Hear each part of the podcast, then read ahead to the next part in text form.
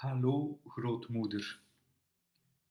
Zodra ik de balzaal uit was, ging ik er als een haas vandoor. Ik flitste door de gang, de salon, de leeszaal en de conversatiezaal en kwam bij de trap. Ik reesde de trap op. Met het grootste gemak sprong ik van de ene tree op de andere tree, steeds heel dicht bij de muur. Kun je me bijhouden, Bruno? fluisterde ik. Ja hoor, zei hij.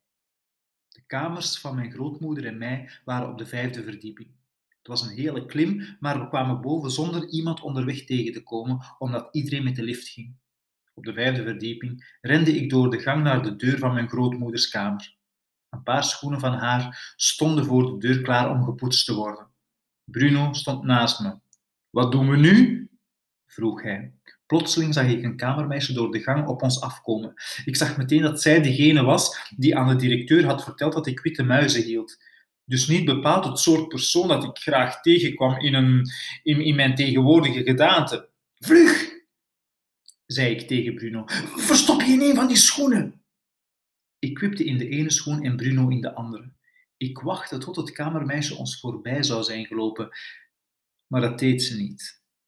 Toen ze bij de schoenen kwam, bukte ze zich en pakte ze op. Daarbij kwam haar hand in de schoen waarin ik me had verstopt. Toen een van haar vingers mij raakte, beet ik erin. Dat, dat was heel stom, maar ik deed het instinctief zonder erbij na te denken. Het kamermeisje gaf een keel ah! die nog te horen waren, zijn, moet zijn geweest op schepen die halverwege het kanaal waren. Ze liet de schoenen vallen en ging er pijlsnel vandoor. Mijn grootmoeders deur ging open. Wat is hier aan de hand? vroeg ze. Ik schoot tussen haar benen door de kamer in met Bruno achter me aan. Doe de deur dicht, grootmoeder! Doe de deur dicht! Vlug, alsjeblieft! riep ik. Ze keek om en zag twee kleine bruine muisjes op het vloerkleed. Doe, doe alsjeblieft de, de, de, de deur dicht! zei ik. En dit keer zag ze me praten en herkende ze mijn stem.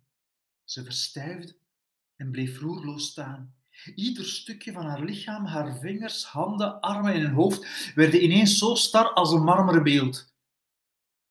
Haar gezicht werd zelfs nog witter dan marmer en haar ogen puilden zo ver uit dat ik het wit eromheen helemaal kon zien.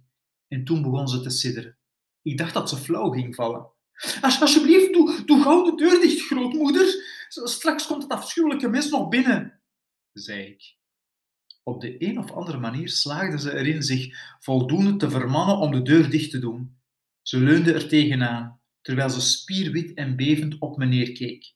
Ik zag tranen uit haar ogen komen en over haar wangen rollen. Niet huilen, grootmoeder, zei ik. Het had, het had heel wat erger kunnen zijn. Ik, ik ben ze ontsnapt. Ik leef nog en Bruno ook. Heel langzaam bukte ze zich en tilde mij met een hand op.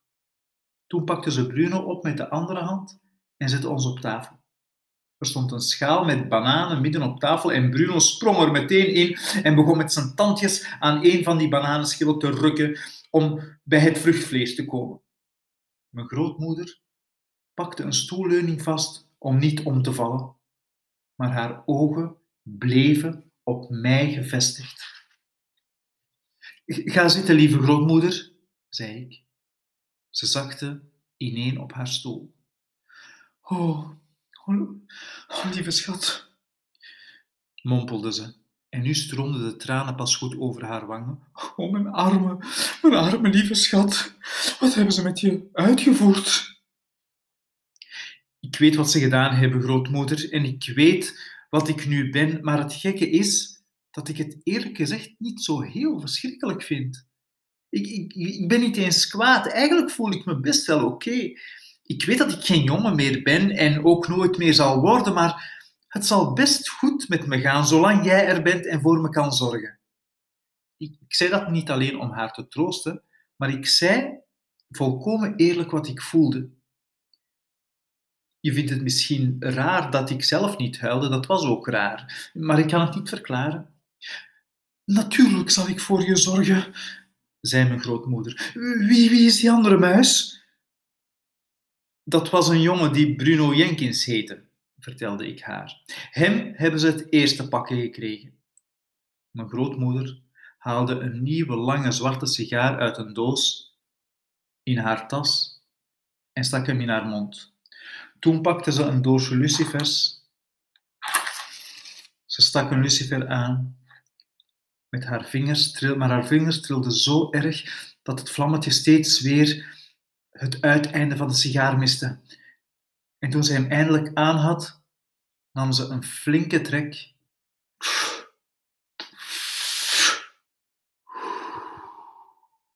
en zoog de rook naar binnen.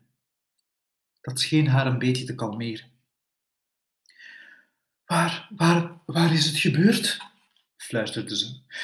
Waar is die heks nu? Is ze nog in het hotel? Grootmoeder, zei ik, het was er niet één. Het waren er honderden. Ze zitten hier overal. Ze zijn nu op dit ogenblik heel allemaal in het hotel. Ze leunde naar voren en staarde me aan. Je, je bedoelt toch niet, je wilt toch niet, je wilt me toch zeker niet vertellen dat ze hier in het hotel hun, hun jaarvergadering houden? Die hebben ze al gehouden, grootmoeder. Hij is afgelopen, ik heb alles gehoord en nu zijn ze allemaal beneden, ook de opperhek zelfs. Ze, ze doen net alsof ze de Koninklijke Vereniging ter voorkoming van vreedheden jegens kinderen zijn. En ze drinken nu thee met de directeur. En, en hebben ze je betrapt? Ze roken me, zei ik.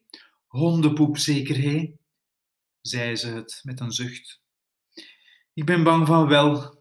Maar, maar het, was, het, was niet erg sterk, want ze hadden me bijna niet geroken omdat ik al tijden niet in bad was geweest. Kinderen zouden nooit in bad moeten gaan. Het is een levensgevaarlijke gewoonte, zei mijn grootmoeder. Dat vind ik ook, grootmoeder. Ze zweeg en trok aan haar sigaar.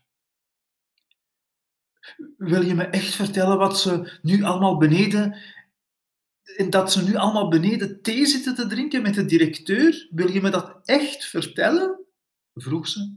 Dat weet ik zeker, grootmoeder. Ze zweeg weer. Ik zag langzaam de oude glinstering van opwinding in haar ogen terugkomen. Plotseling ging ze rechtop in haar stoel zitten en zei scherp: Vertel me alles. Vertel me alles van het begin af. En een beetje vlug graag. Ik haalde diep adem en begon te vertellen. Ik vertelde dat ik naar de balzaal was gegaan en me achter het scherm had verstopt om mijn muizen te trainen. Ik vertelde van het bord met het opschrift opschrift Koninklijke Vereniging ter Voorkoming van Vreedheden jegens Kinderen. Ik vertelde haar precies hoe de vrouwen binnengekomen waren en waren gaan zitten en over het kleine vrouwtje dat op het podium was verschenen en haar masker had afgezet. Maar toen ik wilde beschrijven hoe het gezicht daaronder uitzag, kon ik gewoonweg niet de juiste woorden vinden. Het was afschuwelijk, grootmoeder, zei ik. Oh, wat was dat afschuwelijk. Het leek, het leek, het leek op iets wat, wat begint te rotten. Ga door, zei mijn grootmoeder, niet ophouden. En toen vertelde ik haar dat alle andere heksen hun pruik hadden afgezet en hun schoenen en handschoenen hadden uitgetrokken en dat ik, dat ik een zee van kale, pokdalige hoofden voor me had gehad en, en dat er kleine klauwtjes aan hun vingers zaten en geen tenen aan hun voeten. Mijn grootmoeder was nu zo ver naar voren geschoven in haar stoel dat ze alleen nog op het randje zat. Allebei haar handen lagen over de gouden knoppen van haar stok, waar ze altijd mee liep, en ze staarde me aan met ogen die straalden als sterren. En toen vertelde ik haar hoe de opperheks vurige witte gloeiende vonken had afgeschoten en hoe deze een van de heksen in een rookpluimpje hadden veranderd. Daar heb ik van gehoord, riep mijn grootmoeder opgewonden. Maar ik kon het nooit geloven.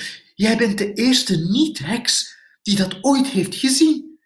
Het is de beruchtste straf van de opperheks. Ze noemt het gefrituurd worden. En alle heksen zijn als de dood dat het met ze zal gebeuren. Ik heb gehoord dat de opperheks als regel tenminste één heks bij de jaarvergadering frituurt.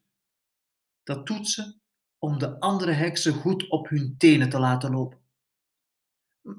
Maar heksen hebben helemaal geen tenen, grootmoeder.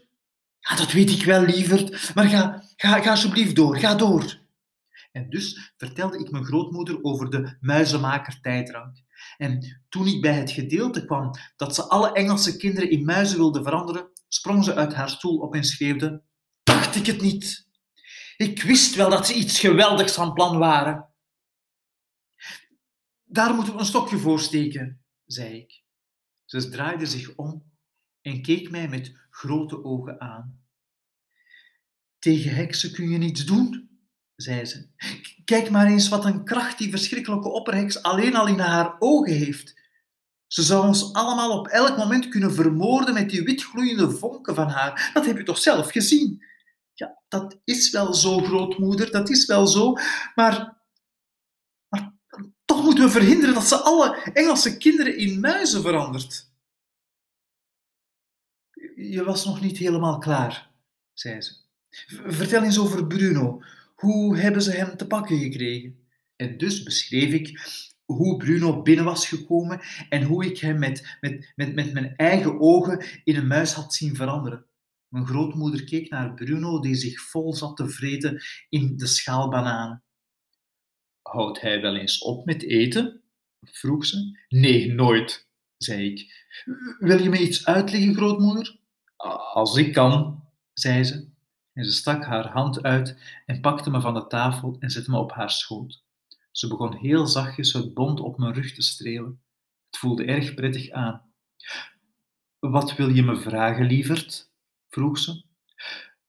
Wel, wat ik niet begrijp is. Ja, dat vertel ik later.